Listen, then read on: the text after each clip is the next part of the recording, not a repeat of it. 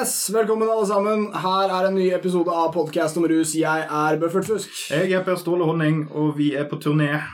Vi har for første gang beveget oss utenfor vårt herlige lille studio fordi vi måtte reise og møte vårt intervjuobjekt. Vi har aldri vært utenfor studioet vårt før. Ja, og nå er vi på en litt sånn egenkomponert eh, rehab-prosjekt her, med pittoreske, eh, naturskjønne omgivelser på en eh, liten gård litt stykke utenfor Oslo. Mm. det var jo så fint at jeg eh, fikk, ble skamfull av å trå inn her.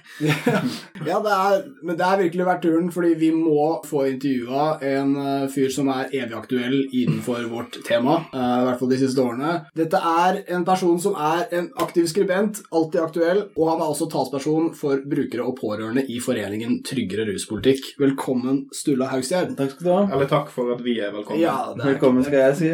det er vi som har blitt velkomne. Og takk for uh, at jeg fikk lov å komme. Tusen takk for all snacksen som uh, din husvert har satt ut for oss. Yes, og vi lurer jo egentlig veldig på deg og hvordan det står til, og hvor du har vært siden sist, og hva du tenker om ganske mye rart. Ja, vi får begynne igjen ennå, da. Ja, Nei, altså Livet mitt er jo som rusavhengig flest fylt av eh, oppturer og nedturer, ja, kan man si. Det er jo eh, veldig forutsigbart å være rusavhengig. ja visst. Hvordan går det med deg nå? Ja, nå går det jo veldig bra etter forholdene. Mm. Det som er mitt prosjekt nå, hvis vi bare skal holde oss innenfor mitt eget personlige rusforhold, da. Ja. Ja, fordi vi har jo et spørsmål vi pleier å stille. Hva er ditt forhold Ja. til rus? Jeg skal kanskje bare begynne der. Ja, så kan vi ta, ta det der, og så kan vi nøste det opp. Mitt forhold til rus starta da jeg var 12-13 år gammel, tenker jeg. Da gikk jeg på Steinerskolen på Ålseter. En ganske sånn mixed gjeng fra folk fra hele byen. Mm. Ja, mye sånn 6-8-følgere, fri oppdragelse, den stilen. Mm. Og vi eh, fant vel hasj og alkohol ca. samme dagen. Det var en eh, sommerkveld i 94 må det ha vært. Eller Ja. 95. Og det fikk vi smak på med en gang, begge stoffene. Så vi var en gjeng eh, som etter hvert eh, som merga sammen med Håseter skole, som er en offentlig skole, ungdomsskole som ligger overfor. Vi er da ungdomsskoleelever. Altså jeg har tatt 13 år, da. Mm. 7. klasse, som det het da. Før vi var det siste kullet som, som gikk eh, ikke i tiende klasse. Så var for å age, det var age dere litt. Det var Reform 97 som eh, Ja, ja, ja. satte deg ut på skråplanet. Ja, ja, jeg er niendeklassen. Da røk jeg ut. Det er det er siste året jeg gikk på skolen. Så øh, drev vi med hasj og marihuana og pott hvis vi var heldige. Og ganske raskt begynte å skjønne at dette var en måte å tjene penger på. Så vi, hvis det er relevant, så har vært mitt forhold til rus har vært å selge mye rus. Selge mye cannabis. Finansiere og Finansiere eget bruk, Ja. status i miljøet. Mm. Ville Pedersen har skrevet mye om dette her, ikke sant? Ja. Alle disse ritene og symbolikken og musikken. Tradisjonene. Ja. Må Bongene og skillummene til Jeg vet ikke om jeg skal oute reggae-musikere på- som står på store norske scener her, men eh, eh, skillummer Hvem har brunens skillum, og hvem kan Mm. trekke best håndtrekk uten at det er eh, Ikke sant? Jeg Ja. levde den kulturen er 100 da. Ja. Men jeg var aldri egentlig noen sånn veldig god hasjrøyker. Fikk mye angst, noia Jeg var ikke den eh, kuleste gjengen. Ja. Det var en ganske hard gjeng, og det utviklet seg til å bli en veldig hard gjeng når vi begynte på videregående. Selv om jeg ikke fullførte videregående, så begynte vi på videregående. Det er, det er litt off topic, men Ja. etter Reform 97 så var jo til og med disse vestkantskolene Jeg gikk på Hartvig Nissen. Skam-skolen, for Ja. dere som ikke kjenner Oslo skolegeografi så godt. På, da jeg begynte her i 1998, i første gym, som det het, eller 11. klasse, eller hva det blir, 10. 10. klasse, da hadde vi noe som het X-klasse. Og der, eh, det var en rar forsamling. Det var, det var litt sånn eh, broren til han eh, døden fra Oslo S-vietnameseren, og liksom en sånn derre gæren eh, sånn båtflyktning, afrikaner, gangster som ikke snakka et ord norsk, og så det Admiral P gikk der, og et par sånne helt sånn uskyldige hijab-jenter, og noen litt sånn tilbakestående. Det det er nesten som å dra tilbake til litt sånn samfunn som vi ikke sånn Animal House-tilstand. ja, det, ville ikke, vil ikke blitt så pent sett på nå, tror jeg, i det klimaet vi har nå. Men liksom å bare samle liksom innvandrere og halvveis tilbakestående mennesker og liksom eh, alt mulig X aktive folk i én en klasse. La oss, putte, ja, la oss putte alle uroelementene Og dette er, og roe de 1990, dette er 1998, da, men var eh, du i den klassen? Nei, nei, men de sto jo der. Og de sto jo i skolegården, der hvor disse Skam-jentene står nå på NRK P3, eller hva det kanalen heter. Eh, Jeg syns jo ikke Skam eh, er noe dårlig i det hele tatt, men jeg syns jo de her var jævla mye mer spennende enn Skam, det må jeg bare få lov å si. For der var liksom Her kan man gå rett ned i skolegården og ta Hand joint og få høre om liksom det siste vietnameserdrapet på Ja. biljardsjappa nede i Storgata.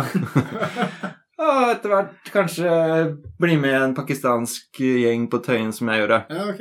Så da fikk jo jeg mitt første møte med heroin, da. Eh, 16-17-åring. ja. Ja. Jeg begynte å pushe heroin for de, på små doser, liksom. Jeg gikk rundt på plata eller øh, med Kinderegg og i lomma. Aldri prøvd det på den tiden. Mm. Da bare gjorde jeg det for jeg ville henge med Ja, ikke sant, du hadde lest om A-gjengen og B-gjengen, og det var tøft. Jeg syntes det var dritkult. Mm. Så vi, liksom, vi var liksom en gjeng med sånn hvite niggere, hvis du skjønner.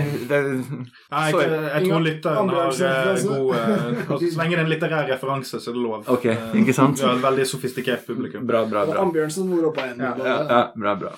Så vi plukka liksom cherry-picka hver vår uh, utlendingsgjeng, da. Mm. Og, og så liksom konkurrerte vi innad liksom hvem som hadde tøffest backup. Og det var jævlig kult, da. Ja, ja, Vi satt jo nede i denne Pilestredet, jeg vet ikke om dere bodde i Oslo da.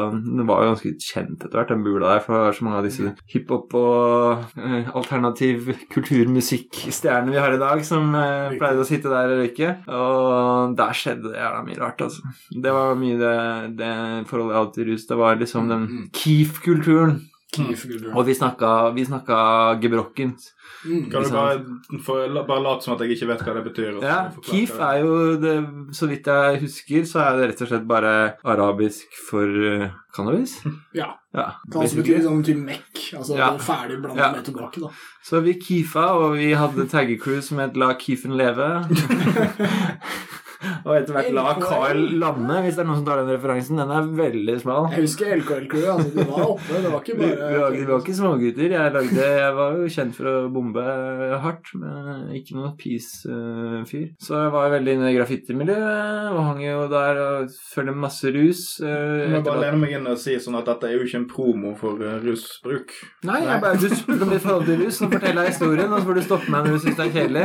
Det er bare en eh, kjapp kommentar, sånn at vi tar avstand. Nei da, sånn som jeg gjør. Det var graffiti, det var innvandring, det var 90-tallet. Det var ikke noe internett og bullshit og skam og, og og sånn man hadde det kult før. Game of Thrones var sånn man hadde det kult før. Vi hadde personsøker, og vi satt og skima om hvordan vi skulle ta over vestkanten. Yeah. Og hvordan vi skulle, skulle komme oss unna torpedoene som eh, Og vi hadde liksom vi var, Det var liksom Game of Thrones, da, på, på en måte. Og så var det hver nyttårsaften så kjøpte vi opp en cola. Ja, Eh, ikke sant? Det er klassikeren. Det er sånn, eh, en da, da satte vi av liksom en sum sånn Jeg hadde julecolaen, liksom. Mm. For da får eget forbruk dekket. Ja. så slåss vi. Jeg slåss aldri, da. Jeg turte ikke det. Jeg sier ikke at jeg er pasifist, jeg sier bare at jeg er en feiging. Men eh, da slåss vi med gutta fra Midtstuen, og det gikk jo Apropos P, Daniel Midtskogen, som Ja. DJ-en til min eh, Og vi slåss jo med de gutta der. Det var knallhardt, liksom. Det var gangstere som gikk på Midtskogen. Faen meg NSA-crew, liksom. Og de var, Mm. um, det var knivstikking i- ned på Ullern. Og det var, det var hardt på vestkanten på den tiden. Altså, jeg, ikke, jeg skal ikke dra dette inn i noe sånn ABB-land, liksom, men det, Ja, nei, men det, det er en del av de tingene som I hvert fall den boka som Åge Borchgrevink har gitt ut, som jeg anser å være den beste boka om 22. juli, da, har jo veldig tidsriktig koloritt. ja, ikke sant. Det var en strømningstid. Det var, eh, det var veldig mye bygningspolitikk som handlet om at Og det er jo for så vidt veldig bra, hvis vi ser til Sverige f.eks., hvor alle gutifiseringen Ja, var helt annet. Altså Her var du veldig opptatt på den tiden av at liksom vi skulle Du fordele til- uroelementene Ja, ja. utover byen istedenfor men det fikk jo konsekvensen at det ble Det ble barneraning på Frognerseterbanen, Det ble Ja. bombing av Østerås uh, endestasjon. Det Mm. ble alt dette her. Og vi tok med pakistanerne opp på fest på Holmenkollen, for de ville ha damene våre, og vi ville ha deres protection, og vi var nede i byen og spilte biljard. Altså, det ble liksom Jeg syns det er kjempesjarmerende i ettertid, men altså, det er mange mennesker som har dødd på denne veien, liksom. Mm. Men oppi alt dette så klarer du å bli skribent, blant annet, og, få ting Du, du holder deg litt på Ja, den jeg, smale sti litt seinere, sjøl om altså, det er litt sånn komplisert Texas, historie. Så litt, kommer litt an på liksom, hvor mye tid vi har, men Mm, uh, ja. jeg har jo alltid Kort liksom, oppsummert. Kort oppsummert. Du, du har jo hørt meg prate, du, du skjønner at det ikke går.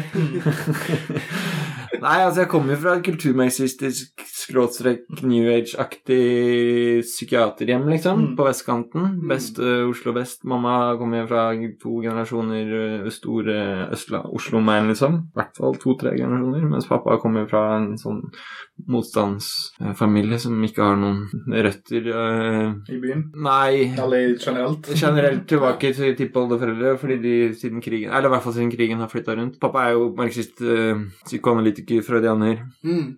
Og ja. kristen. sånn skikkelig god miks.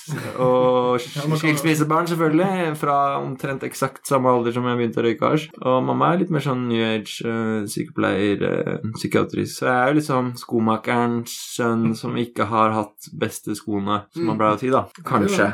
Ja, ja. Hvis jeg, uten å virke for sytete. Jeg klager ikke. Altså, Nei, virkelig få understreke at Og det kommer vi tilbake til. Størsteparten av de som sliter med tung rus, de har jo hatt forferdelig barndom Ja. veldig ofte. Mm. Det har jeg ikke hatt, altså. Nei, nei.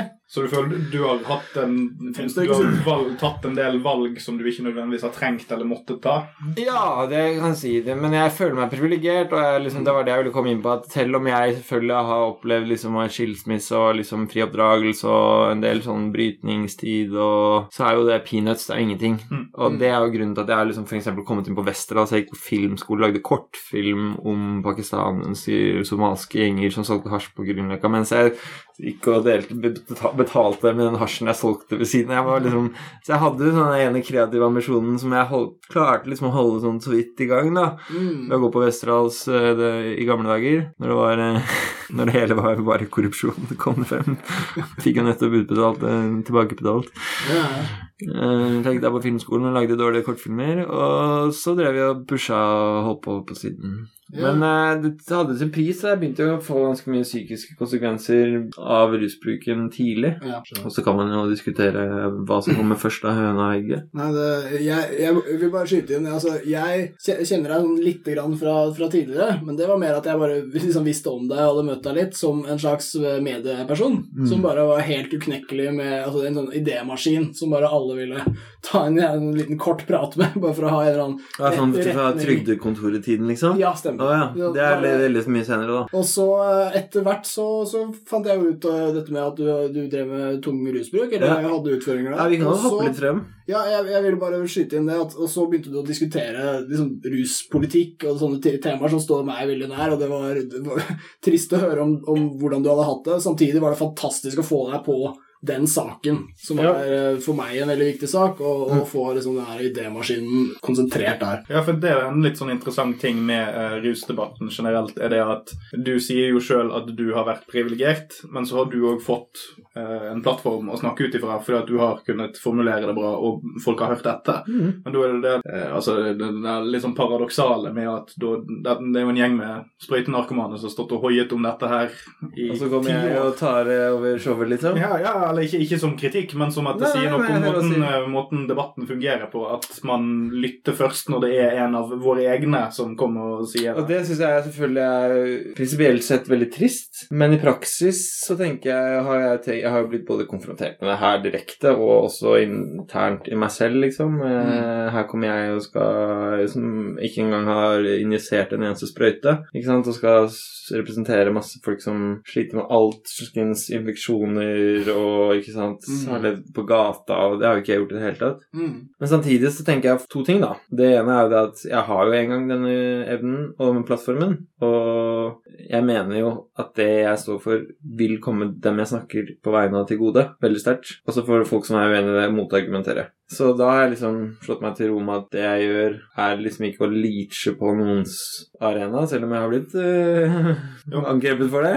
Nei, for jeg, eh, Og det andre er, skal jeg si, det andre er jo at dessverre, og her, det her vil kanskje provosere noen, eh, at en del av disse gamle narkomane, hvis jeg, jeg er komfortabel med å bruke det begrepet, Ja. de er, har dessverre en del ganske gammeldagse holdninger. Mm.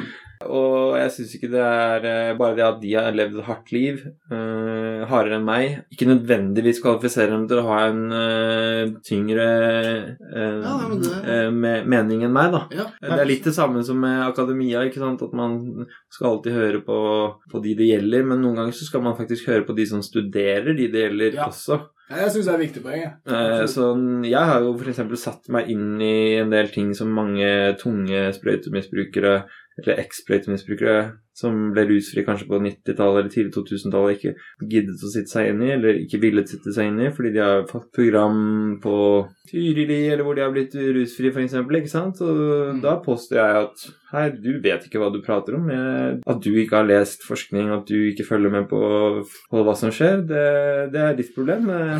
At du har levd et tyngre liv enn meg, det er helt greit, men det, du er ikke direkte kvalifisert til å uttale deg når du ikke vet har lest en metastudie eller har et fugleperspektiv over hodet. Du kan ikke bare smelle sprøyta i bordet hver gang og si at jeg har levd lenge på gata, liksom.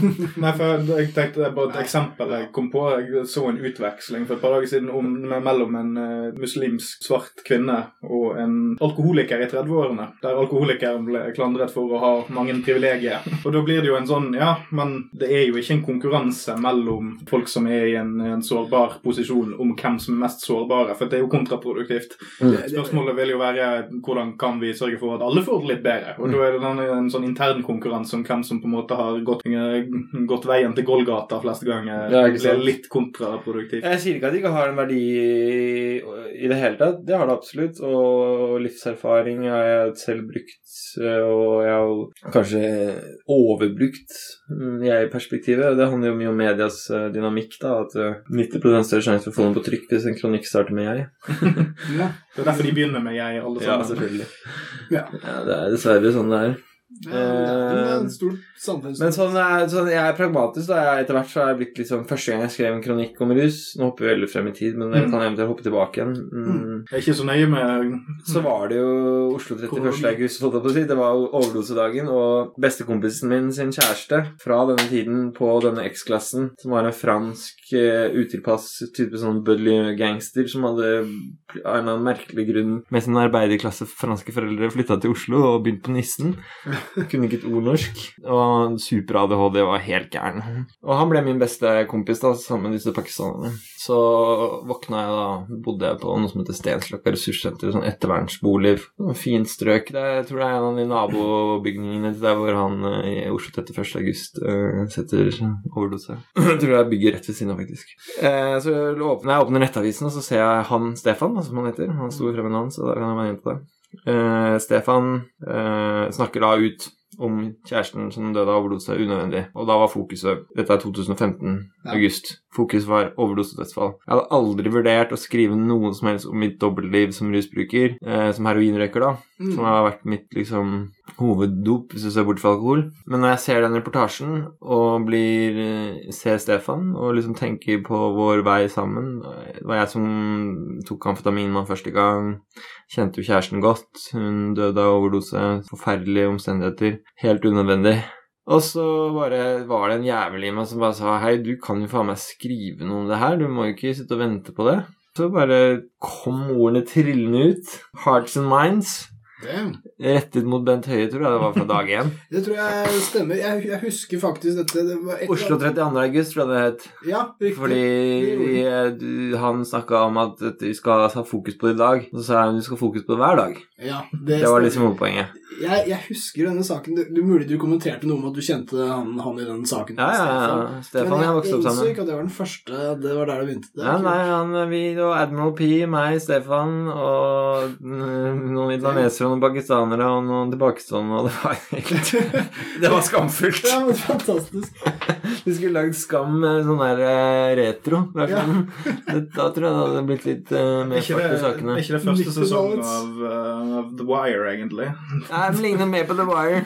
Ironien er jo at hun som har laget Skam, hun var jo på russebussen vår. Så hun så jo dette her med Eller hun hang på russebussen vår, da. Hun så jo hvordan vi holdt på. Det var to knivstikking hver kveld på denne russebussen. Skam. Loveboat. For vi hadde liksom Ja, vi var liksom de gutta på vestkanten som dro disse gutta fra østkanten Mm. og fra andre verdener inn i disse sossemiljøene. da. Og hver gang vi kom på fest, så kom det en eller annen pakistaner med kniv, liksom. Og hver femte eller tiende gang så brukte han den.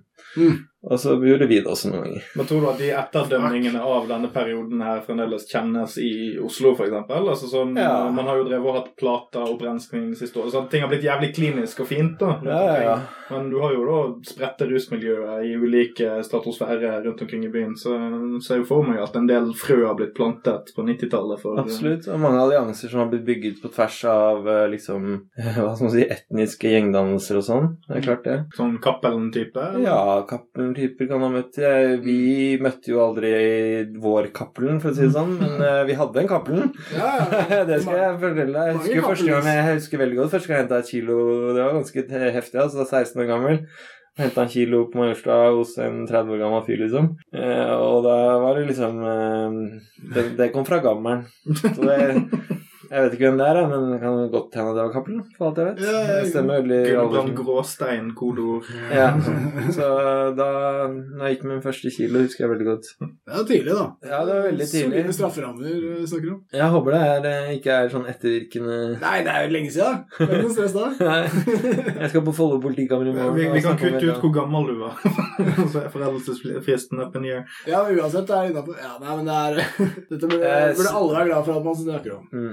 Nei, men så tilbake så, Men så slutta jeg da med dette her etter å å gått på en smell. Vi ble jo, fikk jo spenn i hendene, ikke sant, og vi hadde jo damer, og vi hadde jo Mm. liv, og vi begynte å komme opp i midten av 20-årene, og jeg hadde røyka meg ferdig, liksom, Mm. og coka meg ut, og drukket meg opp, og festa meg ut, og brent broer og holdt på, og angsta, og dårlig forhold med damer, og slutta på videregående, slutta på høyskole. Så jeg bare Jeg ble bare en sånn derre naver i- sånn med psykiske problemer og benzo og tygging. Mm. I en helt person ingen visste hvem var, liksom. Ja. Eh, fra jeg var to- 23 til eh, 27, kanskje. Ja. Da hadde jeg bare noen få nærme venner og ja, noen kjipe pillevaner og hjemmedrikking og naving og Shit. Jeg oppdaga jo U-Torrent og VG Debatt og sånn, da. Ja, ja, ja. Og gjenoppdaget etter hvert skrivegleden, og så kom jeg ved et lykkeslag inn på Westerdals igjen. ja På skribentlinja. Ja. Og da, da tror jeg jeg røyka heroin første dagen på skolen. På Westerdals. Da møtte jeg en klassekamerat. Glem det. Ja. Første gang var i 2002, når jeg begynte på filmskolen. Jeg begynte igjen senere på Westerdals. Herregud, jeg roter. Vi begynte på filmskolen i 2002, og vi skulle ha filmklubb eh, med de som vi hadde funnet sammen, en gjeng som vi var like-minded. Vi skulle se fransk Novelle Vague-film. Jeg tror det var uh, The, the Miss Altså Misse Leviser, da? Nei. Nei, nei. Det, det er alt jeg har å Le. Mépris. Le Mépris. Nei, sånn ser vi ikke på i denne redaksjonen her. Det er bra. Så- Det er bra. Det Det er blir sterk avstand fra fransk kunstfilm. bra. Det, det leder til heroin. og da fyrte vi eh, noen opp den første heroin-jointen. Heroin-joint gikk i mange år, skjønner du. Det er litt sånn eh, interessant. Jeg har ikke hørt om det før. Har du ikke hørt om det? Nei, faktisk. Altså, Altså, det er Leiser du, Altså, leiser du tobakk? En med- hasjjoint med, med det oppi? På. Rett og slett. Ja. Det var det sånn vi holdt på i mange år. Og da det kjente jeg ikke noe sånn til at førte til noe avhengighet. Mm. Ja, for Det er vel en, kanskje en ganske altså, smooth måte å bli avhengig på, da, for at du vil få lite Ja, det effekt. tok en del år. Ja, Ja, for siden, det er så, siden du forbrenner mye av det, og det er, det er liksom den en ganske vag heroinbuzz du får av det kontra Ja. en del andre metoder, Ikke så kjenner du ikke at du er Jeg husker jo veldig sånn taktilt eh, øyeblikket noen av de i den eh, kretsen som drev med det, begynte å snakke om at hvorfor faen driver de med det joint-greiene? Det er jo å kaste bort penger, Ja. ikke sant? Ja. Og da begynte Ja, for det er den gamle gjengangeren i denne podkasten her, at det er veldig mye av norsk ruskultur som baserer seg på at du skal ha bang for your buck. Ja. Du skal ikke drive over siden vi er endestasjon for alle supply lines, så skal du jammen meg Du skal faen meg bli fucka fjern på det du har kjøpt. Ja, det er i hvert fall eller når det er heroin. Ja. Men vi holdt på jointene en stund, da. da. Ja. Så disse sølvpapirgreiene kom seinere. Og så gikk jeg på som jeg tilbake til den psykiske Nav-smellen hvor jeg drev og selvmedisinerte meg. Jeg tror jeg ville røyka litt heroin og sånn da sporadisk, men det var mest piller og bare sånn alkohol og naving og nedlastning og Mm. Da kom jeg ved et lykkeslag inn på Vestlands hjem, da. Ja. Og da, som jeg sa feil i stad, det var ikke da jeg møtte min første heroinjoint. Men da fikk jeg skikkelig tenning, da. Møtte masse kreative folk og fikk være med og jobbe i VGTV og jeg fikk jobb i NRK med Thomas Seltzer. Det var ikke måte på. Alt bare gikk lynende fort, da. Ja. Og det er først i slutten av 20-årene, liksom. Ja, du, du- 7-28. Mm. Og da liksom eh, Og med det kommer jo kred og damer og byen og Ikke sant? Mm. Og da gjenoppdaget jeg jo selvfølgelig veldig kjapt Ja. Ja. Da er eh, heroinen. Men da er man, når man er liksom høy på seg sjøl, så er man også høy på å være mest mulig høy på stoff. Og da huska jeg min gode gamle venns visdomsord. Hvorfor i all verden kaster du bort masse dyrebar heroin og ruller tobakk? Du kan røyke med sølvpapir? Og så svarte jeg noen sånn som ja, men hvorfor kan jeg ikke bare ta sprøyter, da? Ja, men det er farlig. Ok, ja, greit, da, men da begynner jeg å røyke, da. Ja, Så, det var jo noen av oss som gikk over til sprøyter òg, men det gjorde ikke jeg. Det er ikke fordi jeg er moralist, men det er bare fordi jeg er redd. Ja. Det er vel en, et godt instinkt å ha. Vi må være glad Det for er, vel, det. det er vel mye rusbruk som kanskje, eller rusbrukere rundt omkring som kanskje kunne trengt litt mer frykt før de. Ja, for eksempel eh, sprøyter og tunge hallusinogene stoffer. Jeg frykter og jeg veldig hardt. Men det, men det er ikke noe med moral å gjøre, eller at jeg, jeg har noe mot folk som bruker det. Nei. Det er bare det at jeg tør ikke. Nei, for all del, altså. Så da ble det en miks av liksom konge på byen, trodde jeg, da. Mm. Og litt sånn kul på Facebook og sånn. Og dobbeltliv med Ja. Som eskalerte til en fullblond avhengighet. Ja. Som uh... Og da på et tidspunkt så smalt det, liksom. Det var eh, forhold som røyk. Det var jævlig mye problemer med alkohol også. Jeg var Mm. utrolig utagerende. Men til syvende og sist så var det liksom Jeg kunne ikke forenes med å jobbe i den bransjen jeg jobbet. Jeg fikk liksom sjanse på sjanse på sjanse. Og til slutt så fikk jeg bare Fikk ikke sparken, men jeg fikk Kom deg i behandling, vær så snill. ja. Så i 2013 så drar jeg i behandling første gang. Kirkens Bymisjon. Ja. Med liksom klassisk sånn eh, Som det heter, anamnese. Ja, hva er det du driver med? Heroin, sølvpapir. Hele rusanamnesen min ned til tolv år og hasj og den historien jeg har fortalt. Ok, ja. Ja. Og så får jeg plass der. Og så går det som ofte går når man eh, legger seg hen, At man skriver seg ut med en gang. ja. Ja, for den motivasjonen er litt sånn vanskelig siden det er veldig mange Ja, behandlingstilbud for som er første gang frivillige, for, så Ja, for første gang du legger er deg, så er det jævlig mye press for foreldre, og du har fått spark fra jobben, kanskje, ikke sant. Du har ikke så mye Det var ikke så stilig allikevel, og det var jævla du frøys, du var abstinent, og ja, du vært to uker på Aker og trappa ned på noen piller som du ikke vet hva er ennå, som jeg blir med senere, som kommer forhåpentligvis inn på senere. Mm. Men eh, nei, jeg skrev meg bare rett ut, jeg. ja. Bra. Og gikk på en eh, skikkelig tremåneders. Og da ødela jeg vel mer eller mindre alt jeg hadde av bror igjen, liksom. Mm. De få jeg hadde, de som hadde liksom sagt at yes, bra behandling, kult, fett, kom deg inn. Da bare passa jeg på å brenne alle de òg. Og da, da, da var det ensomheten som sendte meg inn igjen. Ja, altså å Først sørger du for at alle som kan kritisere deg, ikke kan kritisere deg, og så sitter du og tenker på hvorfor de kritiserte deg. Ja, Og så konkluderer du med at de kanskje hadde rett, og så Ja, fordi Første gang man drar i behandling, og det er det jeg vil snakke om litt senere, hvis vi får tid også, det er forskjellen på de slemme og de snille innenfor spesielt rus, men også generelt samfunnet. Ja, det er spennende. Eh, så er det liksom eh, Altså, hvis du er akademiker og har et fullperspektiv, så er det helt hårreisende å, å fordømme noen som skriver seg ut eh, tidlig i førstebehandling. Det er jo så normalt Altså, det er medianoppførsel, liksom. Ja. Men eh, folk er jo ikke akademikere og fugleperspektivikere fra dag til dag eh, overfor De er bare kompiser eller bekjente eller kollegaer som bare Faen, du drar rus på skriver ut i to uker. Er du helt mongolid, eller? og så går jeg ut og drikker meg full og oppfører meg helt dust og uh, yes, takk for at du deler dette her, altså. Men Du var altså Du la deg inn for andre gang, og da, var det, da hadde du brent de resterende broene. De fleste. Ja, ikke sant. Også, men Jeg brente bror begge ender, som jeg pleide å si. det, det var sikkert er solid. det er på den sikre siden. Men, men altså, du er jo jeg, jeg, Igjen, jeg er jo glad for at du forteller om det, men hvor, hvor er du i dag? Altså, Du er jo i hvert fall fit for fight til å fortelle om det her. Altså, Ja, det har jo vært en uh, rugged road, da, men uh, det det som er så jævlig rart, vet du. Når du kommer inn i rusbehandling, så får du liksom ikke Du må erfare det. Enten så må du tilfeldigvis lese opp Det er jo en, det er, kan jeg ikke tenke meg er så mange som gjør, har krefter til, eller kan Nei. komme på å begynne å lese seg opp på rusfaget, liksom. Nei, det tror jeg på. Men du må faktisk gå gjennom erfaringen. Ja. Det er å skrive deg ut og inn og ut og inn og ut og inn og ut og inn. Mm. Og så, når du har gjort det, så får du høre at det er vanlig. Etter femte gangen. Så får du høre, endelig høre Det er, det er sånn sånn der sokratisk eh, eh, labyrint, liksom. Vi har vel ikke lyst til å ødelegge for første innleggelse. Nei, det er sikkert en Ja, ikke sant? Det er sikkert en idé bak det. Men jeg tror det er en veldig dårlig idé, da. For det liksom, du blir jo veldig demotivert av å skrive deg ut hele tida. Og sprekke og drive på sånn. Eh, Det hadde jo hatt Jeg ser for meg at man i hvert fall kunne utforsket om det hadde hatt en potensiell verdi, og gi litt mer realistisk inntrykk overfor dem som legger seg inn i forhold til hva som er forventet utfall, da. Ja. Du kommer til å sprekke, du kommer til å bytte. Ikke sant? Sjansen er at du vil prøve forskjellig type behandling, du vil ha lange, korte sprekker. Alle disse tingene kan være på deg på vei mot ruslivet ditt i fremtiden. Mm. Og her er jeg veldig påpasselig med å ikke bruke begrepet rusfrihet, for det Mm. er mitt eh, hatbegrep nummer én. Jeg er veldig enig. Fordi rusfrihet, hva er det for noe? Det, er, det finnes ikke. Nei, vi opererer jo med en utvidet eh, rusforståelse her. Denne Og det er en av de største Altså narkotika og rusfrihet, de to ordene er to av de mest skadelige begrepene vi har, i hvert fall i den konteksten av den debatten vi snakker om her. Ja. Sekkebetegnelsen narkotika, Mm. som bare som vi kommer tilbake til, men nå snakker vi om rusfrihet, da. Absolutt. Alle er avhengig av noe.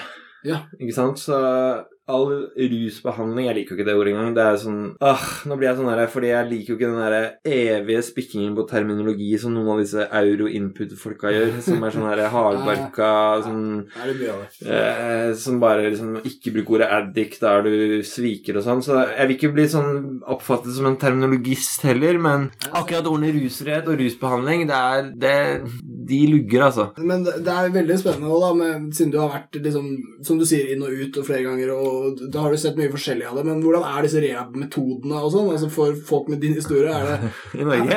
Ja, er det burde de, de burde Det er jævlig mye som er etterlatt til tilfeldighetene. De burde vel gjort noe annet? Altså, Ja, altså, hvis vi skal gå bare og snakke rett om norsk rusbehandling som jeg kjenner, beklager at jeg ler altså, La oss sammenligne med et annet uh, samfunnsområde, da. Eh, Og snevre det enda mer inn. Sammenligne med et annet samfunnsområde som har med helse å gjøre, f.eks. Uh, somatisk eh, sykehus. eh. Mhm. altså, det opereres jo ganske profesjonelt. Ja. La oss ha en analogi. Det er liksom forskjellen på sykehusene i Norge som opererer med kreftpasienter og diabetespasienter, ikke sant, og, og de som driver med rusomsorg. Det er som å sammenligne amerikanske Navy Seals med liksom trejolle med pirater. som er blind på begge øynene. Og tre Altså, det er så Treffende, altså. Det er så uproft i forhold til det det kunne vært, da. Ja, ikke sant. Og, det, Og da må jeg selvfølgelig legge til denne evige floskelen Det gjøres masse bra med for så mange mennesker, og det er så mange flotte folk i rusomsorgen som gjør så mye bra. Ja. Og det mener jeg uten ironi også, Ja, men det er et eller tilfeldighetene. Men det Stort sett. det betyr bare at det hadde vært helt jævlig hvis de ikke var der. Men Ja, det er sånn jeg tror ikke at de er de eneste som er der. Ja, ja, ikke sant? Hvis vi møter Tom, da, som er menneskekjenneren som bare er fantastisk, så er jo Tuddelia-kollektivet dritbra. Men det er jo ikke fordi systemet er eh, eh, bra tegna opp. Nei. Det er jo bare fordi Tom er født som en jævla fett fyr. Ja, Tom var det. Hvis det fungerte sånn på Ullevål sykehus når du var kreftpasient Det er jo selvfølgelig til en viss grad er det også Du kan jo selvfølgelig få en veldig varm og god kreftlege, men hvis det var sånn du måtte ha flaks når du ble innlagt med liksom eh, alvorlig trafikkulykke, liksom, så bare ja, jeg hadde jævla flaks. Jeg havna på Ullevål sykehus og møtte en skikkelig dyktig fyr. altså, det er jo helt åpenbart at da, hvis du er Men er ikke det et resultat av at rusfeltet først inntil nylig har begynt å bli et Jo, jo. medisinsk felt? Det har jo veldig lenge vært Ja. sånn sosialhjelp og sånn. Selvfølgelig, og selvfølgelig. Sånn som alkoholisme var før i tiden. Ja, det var bare han han hadde, han hadde problem med flasken. Han, det, er derfor han, det er derfor han slår. Så, så kanskje vi bare ja, han, han skal bare ligge litt inne på glattcella han en stund. Ja, ja, så- nei, selvfølgelig. Altså, syk Medisintradisjonen går mye lenger tilbake. Jeg skal innrømme det, men samtidig så må Men det ikke innenfor rus, da, som sagt. Det- Nei, men altså, det har, de har jo hatt mange år på å ta inn over seg ting. Mm, det har det. De kan vel godt tilgi en abstrakt størrelse mennesker som ikke har gjort det før nå, men det er i hvert fall på tide å gjøre noe med det nå. Ja. Ja, altså Mitt poeng var at vi har etterslep fra det fremdeles. Sant? Med alle behandlingstilbudene og sånt. Så det er jo gjerne det å få en sånn enhetlig struktur på det fra offentligheten, og ikke bare la ting tute. Ja, altså Det jeg først og fremst etterlyser, da, det er jo selvfølgelig de åpenbare tingene som vi skriver om avkriminalisering og disse tiltakene som er livreddende osv., og, så og som kan gi verdighet til de, de svakeste. Men minst like viktig er det jo å få kontroll på pengebruken og se hvor i all verden alle disse milliardene ender opp Ja. hos offentlige, ideelle og kommersielle aktører innen rusfeltet, og hvor disse pengene brukes, hva de brukes til, hvor bra de brukes, eh, resultatet av pengebruken opp mot en eller annen målbar størrelse i et eller annet tenkt sted, f.eks. Sveits, eller et eller annet sted som har lykkes, ikke sant? Og at denne informasjonen blir gitt tilgjengelig til den det gjelder. Ja. Altså, for å ta Tyrili-kollektivet, hvor jeg var innlagt to måneder i sommer. Ja, de har brukerundersøkelser, men du får jo bare vite Det blir jo bare publisert internt en gang i året, så vidt jeg har forstått, da. Eh, liksom, og da er du liksom er du, du, er, du er ikke i liksom modus til å ta inn over deg masse tall eh, som akkurat har vært ferdig med ni måneder på Tyrili, liksom. Denne informasjonen om hvor mye en stiftelse som Tyrili eksempel, da, kontra hvor mye penger de får tildelt, hvor effektiv denne behandlingen er, det må jo publiseres, og det må publiseres på et språk og tilgjengeliggjøres og distribueres til dem det gjelder, slik at de kan Ta en avgjørelse. ta en avgjørelse Ja, via brukerorganisasjoner og pressepolitikere og ikke sant, Mm. og si at dette holder ikke, nå har jeg sett tallene. Jeg er Altså, Kreftforeningen, da er den for eksempel, den er sikkert like velsmurt som Navy Seals. Det tror jeg. Hvis det er noe kluss med kreft i Norge, penger som blir wasta, da er det full rulle. Og da er liksom, da ryddes det opp med en gang. Det ser jeg for meg i hvert fall. da. Ja, jeg Med forbehold om at jeg tar feil. Jeg bare antar det. Mm. Men på rusfeltet så bare ruller og går det, liksom. Og selvfølgelig så er det det ekstra elementet at kreftpasienter, ære være dem, og de kondolerer og alt, men Mm. median, det er jo medianbefolkningen, så det er jo liksom stort sett oppegående folk. Ja. Hvis ikke hatt en veldig langtgående hjernesvulst, da. Ja, ja. Det er jo stort sett bare gjennomsnittsbefolkningen Ja, som har en helt gjennomsnittlig evne til å komme gjennom med sitt budskap. Så hvis de har blitt urettferdig behandla, eller opplevd et eller annet urett i sitt kreftløp, Ja. så er det bare for dem, stort sett, da. Ja. Ja. Selvfølgelig, man legger til kreft er jo en livsstilssykdom, så det vil jo også ramme de svake mer. Men det blir jo litt sånn Det blir veldig pirkete, da. Men, Ja. Men, det- men de rusavhengige er jo ikke i stand til å snakke sin sak veldig ofte Ja, i stor grad i overhodet. Mm. Så selv om eh, disse ettervernsundersøkelsene og kvalitetssikringsundersøkelsene også, altså liksom tallmaterialet blir gjort tilgjengelig, så er det ikke sikkert at de hadde klart å Å gjøre noe ut av det. Nei, s- s- stå opp og si dette er urett, da. La oss bare ta tydelig igjen, ikke sant? Et helt sånn plaint eksempel som eh, jeg håper vil sjokkere, da. Når jeg spurte min, en av mine eh, støttekontakter eh, om disse undersøkelsene, så sa han ja, hun hadde ikke de i hodet, men hun hadde noen, hadde noen nøkkeltall, da. Så det er blant annet et nøkkeltall er 33 det er, jo, det er jo antallet som dør av overdose etter å ha skrevet seg inn på tidlig. Så kan man måle det antallet opp mot de som velger å ikke gå i behandling i det hele tatt. Jeg vet ikke, jeg tror at Thomas Kjøsnes i Foreningen Human Narkotikapolitikk i Hordaland sa at det å mye, det er i mye det samme når det gjelder AA. eh, Der de eneste tallene man har klart å hale ut fra anonyme alkoholikere i USA, der de har jævlig mye eh, støtte fra staten, mm. eh, viser at de ikke har bedre klareringsprosent enn folk som gjør det alene. Nei, ikke sant? Det er ikke bedre, men her er det snakk om mye verre. Her er det snakk om at du, du spiller russisk rulett og putter to kuler i k- pistolen når du legger deg inn i behandling. Hvis du er sprøytenarkoman. Shit. Én av tre dør av overdose. Dette sa han til meg. Altså, det er Hva godt, du det kommer? Ja, Hva det kommer av? Nei, det kommer av uh, to ting. Det kommer av at uh, de blir rusfri. Mm. Så når de kommer ut, så setter de seg en smell som de ikke tåler. Mm. Og så kommer det av at uh, de skammer seg så jævlig over å sprekke at de setter skudd alene. Ja, og går all in, liksom. i At de ruser og- russer seg i smug. Ja. Ja. Istedenfor å gjøre det i trygt rusmiljø. Ja, og, og det, det, er, det er mye Det er de to viktigste tingene. Det tredje er liksom på siden, men det er jo at mange av de er jo paragraf 12 via fengsel osv., og, så videre, og så kommer de ut av fengsel, og så ja. ja. ja, nei, men Men de to viktigste grunnene er én, de blir tolerante fordi de blir rusfrie, Mm. og så havner de ut, og så setter seg en smell ikke tåler. To, når de sprekker, så blir de så skamfulle fordi skam er så nøkkelbegrep i rusbehandling Mm. at de ruser seg smug. Og det er jo rett og slett Forferdelig. Ja. Ja, ja. Så én av tre altså, hvis du, Du gikk inn på sykehuset. Mm. La oss kalle kreft en veldig alvorlig lidelse. da. Nå går jeg ikke å bruke kreft som et eksempel her, men det er liksom lett forståelig for folk. Ja. Og så sier vi at rusavhengighet er liksom en en moderat alvorlig lidelse. Mm. For noen meget alvorlig, men for de fleste moderat alvorlig lidelse snakker rusavhengighet. Ja. Jeg er helt enig i at mange mennesker som bruker rus regelmessig, ikke har et avhengighetsproblem. Mm. Det kan vi godt komme tilbake til også, men la oss si at det er en moderat type diabetes eller noe lignende sånn, ikke sant? Ja. Tenk at du går inn på et sykehus, og så får du, spør du liksom hva, ja, hva er prognosen i Norge? Nei, én av tre som kommer inn her, de dør ca. tolv måneder etter at de blir skrevet ut. Skriv under her, liksom.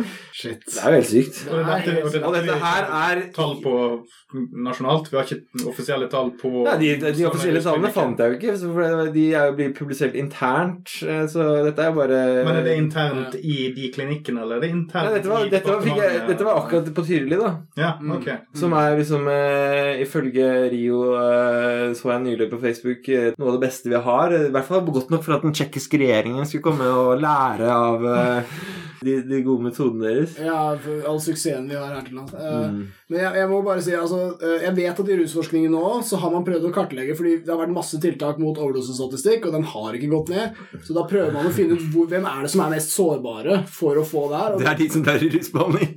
det er uh, særlig ut av rusbehandling, som du sier. Det er den, det er den, det er den stygge sannheten som ingen tør å si. Og det er særlig dette med å ta og sette skudd alene. Og hvis du da gjør det i tillegg lenge siden sist, så er risikoen enormt stor. Og de stort sett kommer ut av fengsel og behandling. og, og skam får dem til å gjøre det alene. Ja, Skam den skammen får de blir de påført i rusbehandling i veldig stor grad, fordi det er eh, I veldig stor grad så er det fortsatt uh, svøpet inn i skam. Altså det er Ja. et etterslep fra lutheransk vestlig tradisjon, Det rett og slett. Nei, det er ikke tull. Du er moralsk feilbarlig. Pasientreform eller ei. Men ja, eh, jeg må, må skjære igjennom, holdt på å si. Altså, Sturla, du har jo så Sånn som Bent Høie forhåpentligvis kommer til å gjøre i budsjettforhandlingene, hvis han står for det han eh, sier han mener. Jeg kunne ikke la være. Nei, kjør på, ass. Det, det jeg lurer på er Altså, jeg har fått, uh, fått det med meg at du har, uh, du har i hvert fall vært på disse altså LAR-medisinene. De, som de som brukes i LAR, ikke nødvendigvis der du har uh, vært, men, men hva, altså, har du så, så, nå, nå slutter du med de også, så vidt jeg har forstått. Hvordan, hvordan er det, og, og hva er årsaken til at disse tingene hjelper? Altså stoffer som Altså, det som er viktig å for, forklare her, som er det universelle i spørsmålet ditt, er jo hvorfor man begynner på LAR-medisiner. Det er det. Ikke sant? Det er det. Og det er jo ganske enkelt. Det er jo fordi heroin er et forbanna jag. Ja. Nå prøver jeg å snakke litt eh, rett til folket her, men Det er bra, det.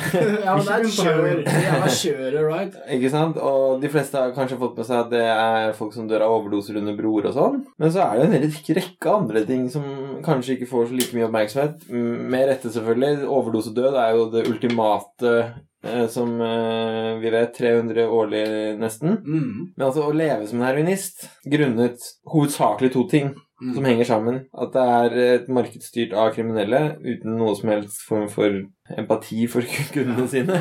Styrt av kriminelle, ja. ja. Og at det er forbaska dyrt. Mm, ja. gjør jo livet til en heroinist til et helvete. Og jeg skal selvfølgelig aldri sammenligne meg selv som røykeheroinist, selv om jeg har vært en mange år i totalhekta røykeheroinist. Så ganske, jeg skal forklare hvor, hvor hardt det er, men jeg bare understreker at det å være en sprøytemisbrukende heroinist er jo selvfølgelig Mm, et ekstra lag av grusomhet og, og sølevann riktig. i ordets rette forstand, for de bruker jo mange av de sølevann i sprøytene fordi de ikke orker eller klarer å komme seg til en flaske renvann og ender opp med masse infeksjonssykdommer. Jeg kan bare dra ned og spørre Sverre Eika, en av heltene.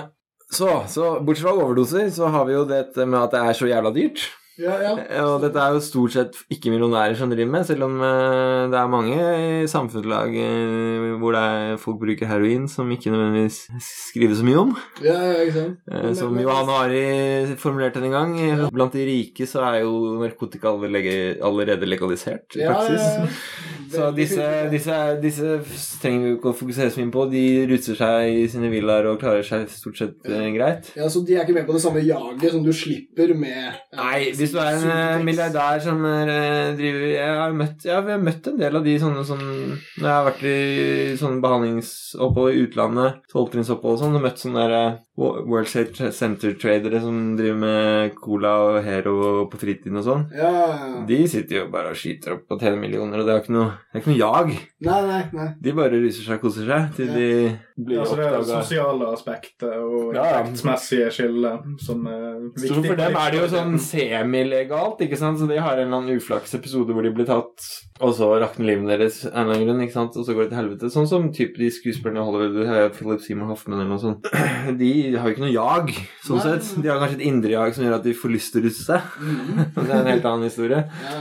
Men uh, disse som vi snakker om nå, da, gategutta liksom, og jentene, de har jo et forbanna jag. Og så det, da kan vi jo bare trappe nedover fra overdoser. Og hos jentene, da, så er det jo prostitusjon og alt det innebærer. Mm. Det trenger vi ikke å greie ut om det. Ja. Det er jo alt fra sykdommer til eh, er mye mord. Fryktelige historier. Så mange prostituerte som har blitt drept bare i Skandinavia at det er helt hårreisende. Er, det, er, det er vel stort sett det disse krimforfatterne skriver om, er det Ja, ikke det? det, er, det er det vi har. Det er mistenkerne for å drive Det, det er litt opptatt av det. Har, har vi eh, tabs på hvor Jo Nesbø er akkurat nå? Er fascinert av denne Hva er det han har i kjelleren? Nei, den er veldig smal veldig igjen for, for de på to lytterne som tåler den. Jeg tror, jeg tror Jo Nesbø sin kjeller er tapetsert med plakater av Jo Nesbø. Ja, og en ting til. Men uh...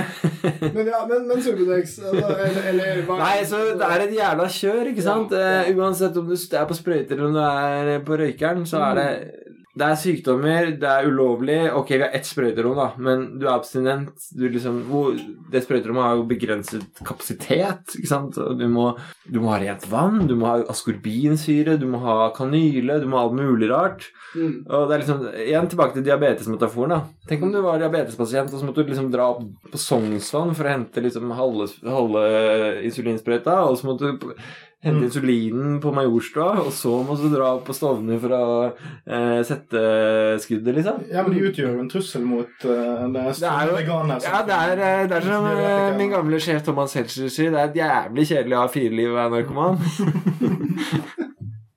og det er jævlig stressende å ha fireliv, og det er et forferdelig å ha fireliv for veldig mange.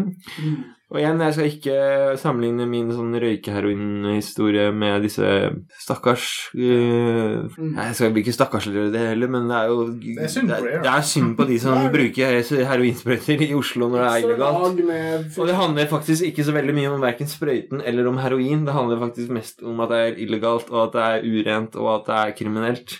Ja. Det som jeg ikke tenker så mye på, er jo alle de andre tingene de mener hele tiden. Bare tenk, tenk på for eksempel La oss si du går i butikken, og liksom hver tredje gang du handla matvarer, så bare tok kassadama løp av gårde med alle posene dine. og så sto det, og så hadde du ikke mye penger på kortet. Så måtte du gå hjem, og så måtte du vente med å spise det i morgen. For et liv! Men forskjellen er jo at der kunne du jo faktisk gått til sjefen hennes og klaget. Ja, ikke sant? Men Men, nei, det, ikke ikke, nei, det kan du ikke her, for der sjefen er eh, en usynlig mann. Ja, det er ikke bare du kan banke sjefen. Det kan du jo ikke. Nei, Da har du valget mellom å løpe etter kjerringa og lage et bråk, og appelsinen som ramler ut Og så kommer politiet, for appelsiner er ulovlig. Og ikke finn på å spise en appelsin før du kommer innenfor dine egne fire vegger. Ja. Ikke sant? Så Vi den, ikke selge appelsiner til mindreårige. altså bare all den tiden som går med. Ja. Altså, glem pengene, men all den tiden som går med.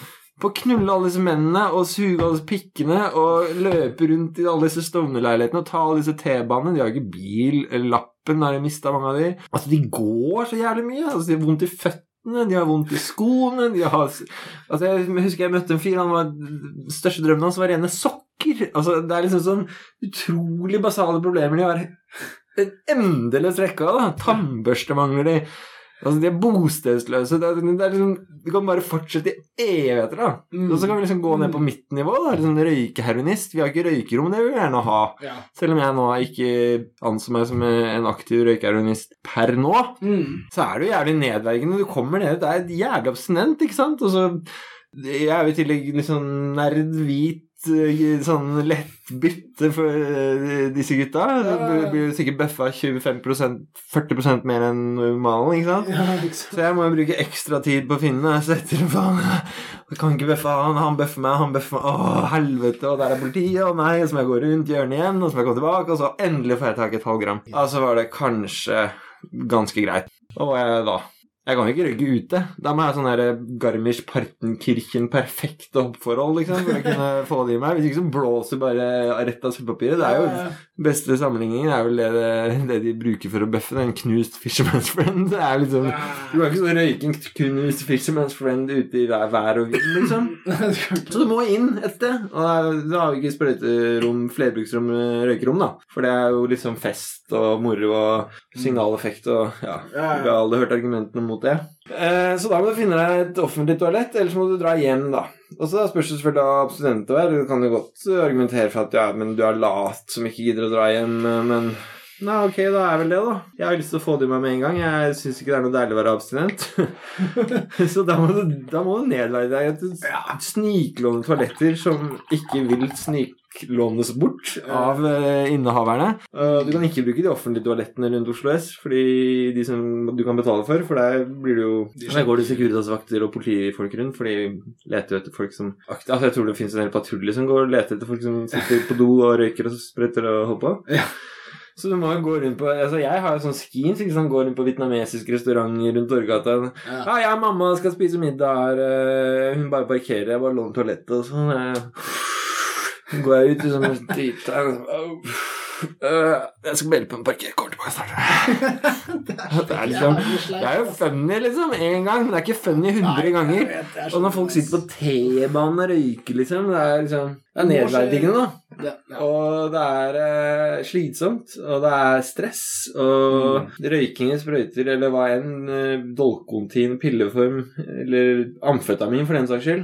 Eh, bare, bare nevne det. Du får ikke lov å sette en sprøyte amfetamin på sprøyterommet. Nei. Skjønner du, eller? Ja, litt stringent eh, lovgivning etter hva som faktisk foregår på sprøyterommet. Ja, det er, det er veldig mange aspekter det at staten vil vanskeliggjøre livet til folk som tar Ja, disse valgene. Så for å gjøre podcasten deres litt enklere og kortere enn det jeg har mareritt om akkurat nå, så er mitt korte og enkle svar at disse grunnene her er jo det som fører til at folk begynner med LAR-medisiner. Mm, Ene og alene. for å slippe unna. For å slippe unna dette her. Ja. Ikke fordi medisinene trumfer stoffet. Nei. For det gjør det jo ikke på noen som helst måte. Nei.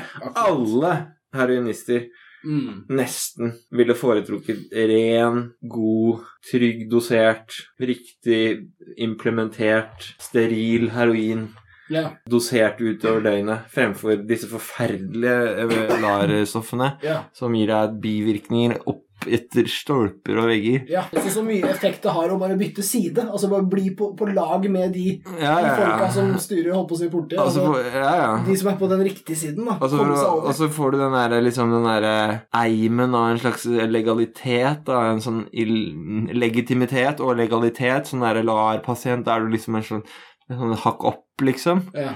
Mens du bare er en fucking slave. Ja. Jeg husker Russell Brand. Han hadde en eh, Jeg liker jo han eh, Mye av det han sier, spesielt om rusdebatten. Han var også røykeheroinist, men jeg husker han hadde en dokumentar om det hvor han diskuterte med en sånn eh, engelsk byråkratdame som var satt i LAR, engelsk versjon av LAR.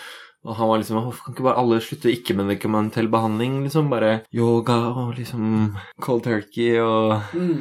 og så sa han nei, Rush Band er ikke alle som har liksom 500 millioner på bok og kan dra til Bali og ta yoga og spise spennende Scandinavian food hver dag. liksom. 90% av alle narkiser de sitter foran TV-en på Stovner eller Essex eller hva faen det heter i London og har ikke en dritt annet å gjøre enn å ruse seg. Og når de slutter å ruse seg, eller går over på LAR, så er jo livet deres veldig ofte tomt Mm. og uttømt, og de har brent broer, og de har liksom skal liksom våkne opp en dag og bare ja, yoga, liksom. Mm. Det er så Ja, det er helt sykt. Er- Ikke vondt ord om yoga, for det er faktisk noe jeg bruker selv. Jeg, men igjen, jeg er jo en av de privilegerte. Ja, og det er absolutt. Og jeg er full for å, jeg var full for å få inn så mye yoga som mulig, men Mm. la oss få på plass det viktigste først, da. Ja. Så grunnen til at man begynner på Subutex som jeg begynte på, da, det er jo det at lommeboka er tom. Ja. Og du orker det kreftene er, du har ikke mer krefter i beina å løpe rundt. Mm. Og du orker ikke å møte flere kompiser eh, og gå ut av dassen og at det lukter kattepiss. Og Ja. Det er det heroin eh, lukter når du røyker det. Og det, Og få det blikket at nå har du røyka på dassen igjen, liksom. ja. Eller sånne sinte kebabkioskeiere løpende etter deg med kebabøksen sin og sier 'Jeg vil aldri se deg her igjen, din jævla narkis'.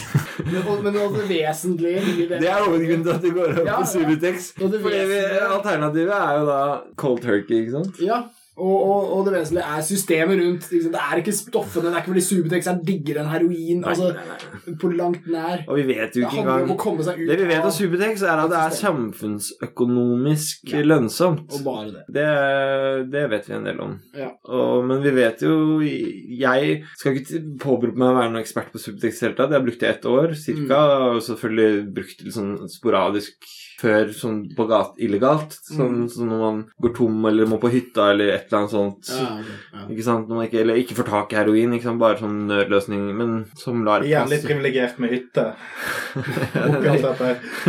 Tilgang på hytte. Det er Norge, da. Det er Norge.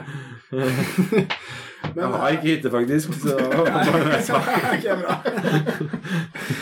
ja, det er Men eh, du, du blir jo bare sugd inn i et system. Ikke sant? Her får du Subutex, det er anbefalt, ta det, tjo og hei. Og så bare laller du av gårde inn i det, tenker ingenting. Ingen får ikke noe beskjed om at dette her Du får ikke noe særlig forklaring på liksom hvor hva dette stoffet gjør med deg, eller lignende, liksom. Nei. Du får bare beskjed om at nå er du Eller basically, da, får du bare beskjed om at nå er du i hvert fall bedre enn en heroinist. Ja. Mm. Nå er du i hvert fall på vei, liksom. Hva er den verste tingen som, er med Subutex? Eh, det verste som er med Subutex Altså bare sånn Nei, det er todelt. Det, er Grovt forenklet så er det todelt. Det ene er jo det at eh, abstinensen er mye verre, fordi det er varer mye lengre. Mye Altså, når du ikke har tatt Subutex, så er det verre enn hvis du ikke har tatt heroin? Ja, ja. Altså, du blir mye mer hekta, liksom. Mm. Det er mye vanskelig å gå av. Eh, og så er det jo veldig mange bivirkninger. Det er det selvfølgelig med heroin også, men det er jo først og fremst pga. urent.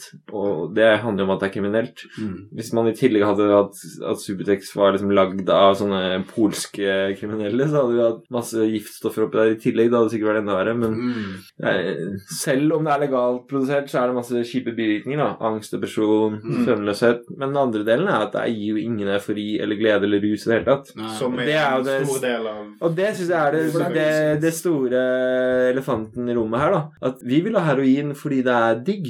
Det var det Nini Stoltenberg sa på trygdekontoret da jeg jobba der. Mm. Hallo, ikke glem at heroin er jævlig digg. Og hun sa det på en måte som en sånn slags litt sånn moralistisk greie, Ja, aldri følte jeg. prøvd det. Ja. Ja, men mm. samtidig så tenker jeg at det går an å ha to tanker i hodet samtidig. Ja. Mange mennesker er dømt til et liv i en slags rus. Og det er derfor jeg ikke liker å snakke om begrepet rusfrihet, fordi det appliserer ikke til en realistisk eh, samfunn.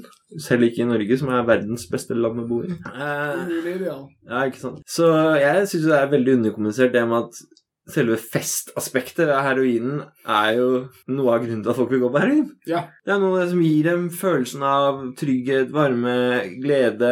Men det er jo der skammen kommer inn i bildet eventuelt. og Ja, men klar, skam er unødvendig. gjennom, Ja, gjennom livet det aspektet staten må kontrollere. Det Det er helt unødvendig. Altså, hvis heroin var legalt, trygt dosert Altså Hvis man fant en eller annen måte å, å dyrke det på, så man slapp å samarbeide med Taliban. for eksempel. Ja. Og hvis man klarer å lage et økosystem hvor heroinister fikk heroin For det første så ville sannsynligvis heroin, i hvert fall sprøytekulturen, bli knekt, og kanskje bare heroin ville fada ut, fordi kulere, bedre stoffer med mindre bivirkninger og morsommere Ja, sideeffekter ville tatt over. det er mulig, det. Fordi heroin er en sånn old school Men de som går på det, i hvert fall, da. Eh, og de som er opiatavhengige i den store sekken av LAR-pasienter og Dokontin-tyggere og heroinbrukere og alt dette her, ikke sant? Ja. Hvorfor skal de absolutt fratas den gleden, den euforien, den festen som eh, politikerne er så glad i å snakke Ja, om? jeg Det skal ikke være noen fest. Det, Det skal bare være Dere er pasienter, dere skal ikke ha symptomer, Det skal ikke men dere skal ikke ha noe fest. Skal ikke ha gøy, liksom. Jeg, jeg tror det er helt i kjernen av Ja, det er liksom Det er så latterlig tankegang, da. Hva om en del av kuren er at ja, men det er jo en fest. Ja, ja. Livet er gøy. Anerkjenn det, da. Altså, Ja. Det er det aspektet staten må kontrollere. Hvis skal Så min drømme for å gå,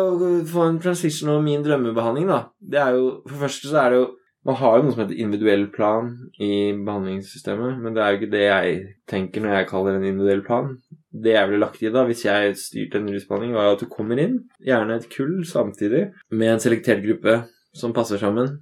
Jeg tenker også, Det blir veldig flisespikkeri, da, men jeg tenker også veldig mye på sånn gruppesammensetning, sånn som man gjør på f.eks. Ja, for eksempel Westerdals. Mm. Veldig mye ressurser som blir lagt Ikke en sånn X-klasse. Nei. Nei. Altså, bare sånne ting. Det gjør sikkert igjen tilbake til sykehusmetaforen. Det er sikkert veldig, veldig godt designet hvordan de liksom plasserer pasienter i forhold til ikke sant, og eldrehjem osv. Ja. Men i rus er det bare Eventuelt bare gutter. Eller noe sånt. Men eh, for meg ville en individuell plan i en eh, ideell verden i en slags sånn Rat Park-rusbehandlingsidé, da, Mm. ville vært at man kom inn og sa hei, jeg har lyst til å slutte med sprit. Jeg er 60 år gammel, jeg har lyst til å drikke øl. Jeg kommer ikke til å bli 80. Jeg kommer til å kanskje bli 70, men jeg har ikke lyst til å drikke sprit mer. Fordi sprit, det er for hardt. Så mitt mål er å gå over fra sprit til øl. Jeg kan bare få bruke et eksempel alle skjønner. Ja, ja. Og nestemann, ja, hva vil du da? Jeg vil uh, ruse meg bare i helgene. Mm. I hvert fall et delmål. Ikke sant? At man kan sette seg sånne realistiske mål for hva man tenker at Ja. Der belønningsaspektet ikke forsvinner ut av døren med en gang du Og ikke minst at skamme at uh, man legger lista litt lavere, ikke sant? Fordi i rusomsorgen i dag så er jo rusfrihet denne hellige kuen, ikke sant, som de som sprekker. Og enda verre i tolvtrinns NAA-systemet, med å telle antall dager i strekk osv. Ja, ja. Ikke sant, så er det masse sånn Apropos det vi snakket om i USA med cannabiskultur og riter og sånn, det er masse sånn mystikk rundt det, på en måte. Eller masse sånn eh, rituelle ting Ja. som eh, virker jo totalt mot sin hensikt. Folk sprekker jo Etter 2031 dager så sprekker de. Og så vet En dag. neste dag. Og så istedenfor å bare være edru igjen neste dag, så ødelegger de livet sitt fordi de er så skamfulle over at de har sprukket denne abstrakte strekningen på 2300 dager. Tallet går til null. Ja, tallet går til null, så da kan de like gjerne bare henge seg. Hva gjør du da, liksom? Istedenfor å Så jeg har heldigvis en familie og liksom et eh, syn på livet som har lært meg at hvis jeg sprekker, så kan jeg jo bare hoppe på hesten igjen og prøve å bli rusfri dagen etter. Jeg trenger jo ikke å skyte meg sjæl når jeg sprekker. Nei, ikke sant? Ja, det er jævlig bra. Jeg tenker bare En eh, ideell rusbehandling handler da om dette. Det handler jo om at man setter seg realistiske mål, og så handler det om at øh, Jeg mener man må, må få ruse seg, rett og slett. ja, ja, ja du, du I rusbehandling så man får ruse seg så mye man vil. mm. Man må få benzo, man må få he- forhåndelig heroinassistert behandling, man må få de rusmidlene man trenger. Mm. I selvfølgelig ordnede former, à la det sykehuskvalitet som vi snakket om i stad. Mm. Vi må liksom The best of two worlds, da. Plata møter Rikshospitalet. Yes. Vi må få, folk må få lov å ruse seg ferdig i behandling. For det er helt absurd idé at du er som pasient. Det er en pasientreform. Høie, det er du som har kalt det, så jeg tar deg på ditt ord. Yes. Altså, du er en pasient, du kommer inn, og kravet er at før du skal legges inn på sykehus, så må du bli, så må du bli kvitt sykdommen din Ja, først, er- på egen hånd! Før du blir lagt inn. Og så kan du bare liksom være på Sunnaas og gå sånn der, sånn svømmebasseng sånn derre Sånn som man gjør helt på slutten av sykehusoppholdet, liksom. Det er hele oppholdet. Det er helt absurd. Du skulle jo brukt første delen av behandlingen til å bli frisk. Å bli frisk, det handler jo om å ruse seg ferdig. Ja.